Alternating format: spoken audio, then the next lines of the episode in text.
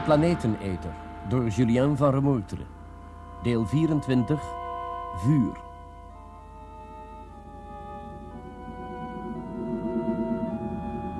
Maak je gordel vast, Greta. En? Liet hij je makkelijk gaan? Zonder moeite. Ik heb beloofd dat ik vanavond nog een en ander zal bijwerken. Hij is al een hele tijd met Peter bezig. En? Vertelt maar aan één stuk door over hun belevenis in het oerwoud. Dat is toch erg naar, hoor.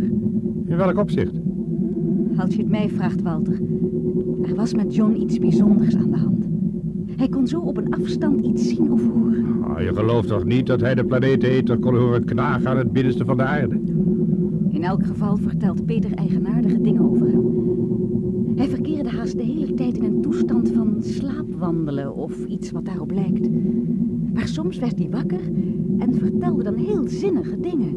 Zoals bijvoorbeeld welke richting ze uit moesten gaan om een rivier te vinden. Hm, nou ja, het kan ook puur toeval zijn. Ja, misschien.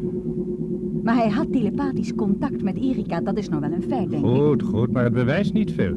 Het wijst er toch op, Walter, dat John op de een of andere manier... Hoe zal ik het zeggen? Paranormaal begaafd was. Op dat moment bedoel ik. Maar heel zijn planeeteter-theorie houdt toch wetenschappelijk geen steek. Als de astronauten aan boord van de Beta 2 inderdaad een ding van de maan naar de aarde zagen vliegen... dan hoefde het niet noodzakelijk een soort reuze vleermuis te zijn... die zich bovendien voedt met het magma van onze wereld. Maar de tweede versie van Peter vond je toch beter? Jawel, jawel. Ze moet wetenschappelijk na te gaan zijn, denk ik. En daarom laat ik niets na om dat wetenschappelijk onderzoek eindelijk op gang te krijgen. Wat zei je nicht uit Hoek van Holland nog? Ze heeft alle gegevens bij elkaar. Ik geloof dat ze zich begint te interesseren voor deze zaak. Ze wou er ons over spreken. Begint ze er ook in te geloven, Walter? Greta, Greta, niet doordraven, meid. Nou, we zullen wat sneller moeten gaan.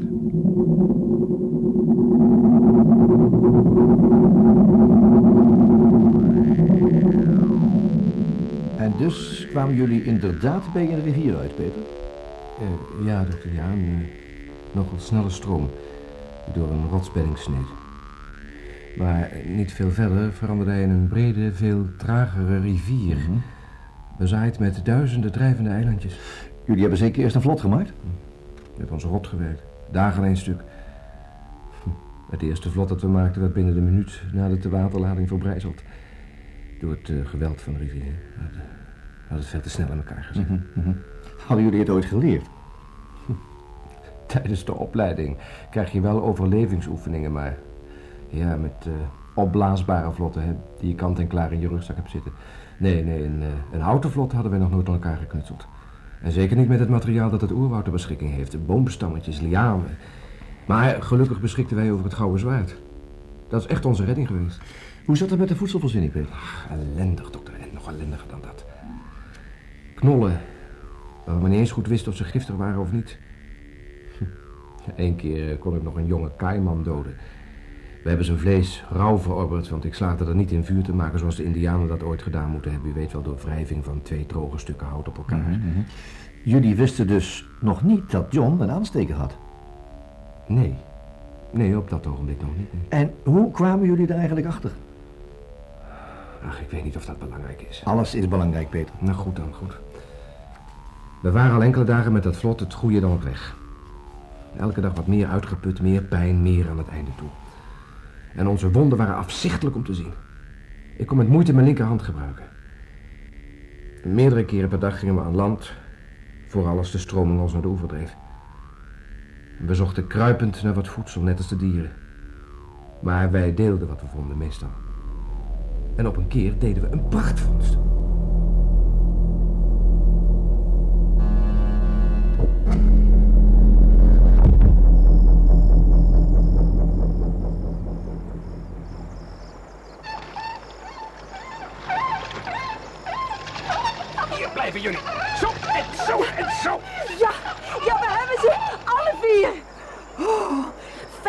Jonge vogels. Oh, wat zijn ze groot, Peter. Buiten.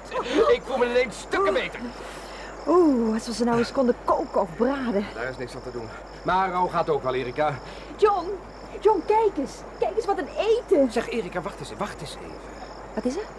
Zei jij daar even niet dat wij onze vogels moesten braden of koken? Ja, dat zou fijn zijn, maar we hebben geen vuur. Maar in de tempel hadden wij wel vuur. Je hebt gelijk, De toortsen brandden. John weet hoe die vuur kan maken. dat is waar. John, John, luister eens. Wij willen vuur maken. Jij hebt de toortsen aangestoken, weet je nog? Nou ja, laat maar Erika, het is boterham nog. Vuur. Stil, hij schijnt het te begrijpen. Uh, Ja, John, vuur. vuur. Wij moeten vuur maken. Hoe, hoe deed je dat? Vertel het ons. Uh, vuur. Wat vuur? Wat doet hij nou? Hij schuift wat takjes bij elkaar. Ja, goed zo, John. Goed zo. Je hebt nou brandhout, maar nou moet de vlam erin. Je moet de takjes laten branden. Vuur, Dat kun je toch? Vuur, ik kan vuur. Kletskoek. Laat hem nou toch. Hij zoekt iets. Eh, ja, kan ik je helpen, John? Vuur zit in zijn broekzak. Ja, laat mij die rits even openmaken, hè? Ja? Ja, Nee, nee, nee, zo. nee. En, en nou? Nee, Ja, nee. ja, goed, goed. Nee. O, wil je het zelf doen? Ja, Voorzichtig met je handen, John. ja. Laat mij je nou toch helpen? Nee, nee. Zeg, wat... Wat haalt hij daar uit zijn zak? Laat eens zien. Nee. Ja, maar dat, dat is een aansteker. Nee. Hij heeft een aansteker. Schof die jij bent. Schof. Nou, nou, laat hem, Peter! Laat hem los! Hou hem Al nou! die tijd had hij vuur. En wij alles maar rauw slikken, hè? En geen vuur kunnen maken Laat hem nou. te drogen. Ellendeling! Hij wist niet wat hij deed, Peter, dat zie je toch? Ik vraag me af of, of hij nog meer verbergt. Maak je zakken leeg. Eh, jij hebt ons lang genoeg belazerd. Zakken leeg maken, heb ik gezegd. Zakken leeg maken.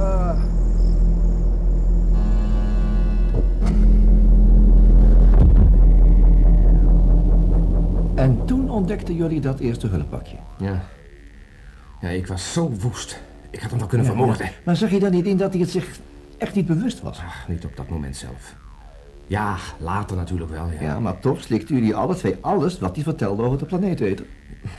U kunt zich niet voorstellen, dokter, met welke overtuigingskracht hij sprak en zijn heldere ogenblikken wel te verstaan. En omdat wij niet veel anders te doen hadden, discussieerden Erika en ik daar uren over door. Het was een soort rechtvaardiging waarom wij nog langer de hel wilden doorstaan. Wij, ja, wij moesten de mensen waarschuwen. Ergens diep onder onze voeten knaagde het gevaar, onafwendbaar, onherroepelijk. Wat, wat denkt u nu? Ziet er niet zo best uit, hè? Nee, Hoe ver kunt u ons volgen? nou niet zo heel ver Peter. Zegt u het dan maar. Ja. Ja, jullie theorie kan gewoon niet bewezen worden. Eh, John, die aan de basis ervan ligt, verkeerde in een abnormale toestand. Erika en jij waren er beter aan toe, maar... Peter, je moet toegeven dat geen zinnig mens kan staande houden... dat jullie nog in staat waren om glashelder te denken. Of niet? Eh, eh, soms wel. Vooral 's morgens, onmiddellijk na het ontwaken. Toen zag ik alles heel duidelijk. Het, het kon gewoon niet anders. Ik ben natuurlijk wel bereid te aanvaarden dat jullie iets uit de maan tevoorschijn zagen komen. Dat is toch het voornaamste? Laten we zeggen een voornaam punt. Ja, maar dan, daarna. Eh, Degelijke proefnemingen doen in de Stille Oceaan. Nou, de geleerden beweren dat dit gebeurde. En de registratie van de bevingen, zowel op maan als op aarde. Dat, Peter, dat is nou het enige wat de balans nog in jullie voordeel kan doen doorslaan. Ja. En nou stel ik voor dat wij samen een stukje gaan eten. Heb je trek? Niet zo erg, dokter, maar ja. Wat kun je tussen de middag anders?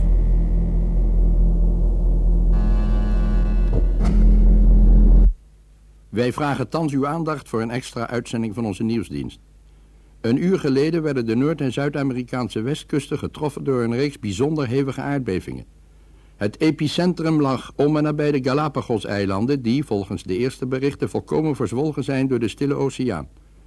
Mexico, de Midden-Amerikaanse staten als mede Colombia schijnen het ergst getroffen.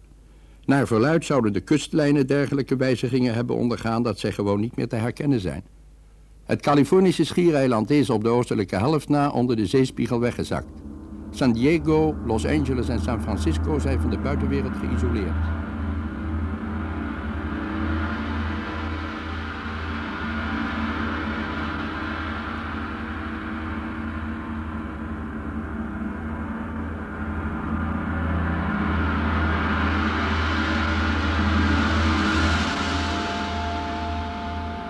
Jullie hebben geluisterd naar het 24e deel van de Planeteneter door Julien van Remoerteren, Vuur. Rolverdeling. Dr. Karel Kimbal, Jan Borkus. Dr. Walter Simons, Willy Ruys. Greta, Barbara Hofman. Erika Blanker, Marijke Merkens. Peter Landsheer, Hans Karsenbarg. John Doorn, Hans Veerman. Omroeper, Frans Kokshoorn. Technische realisatie, Ton Prudon, Bram Hengeveld en Weer Gertenbach. Regie, Bert Dijkstra.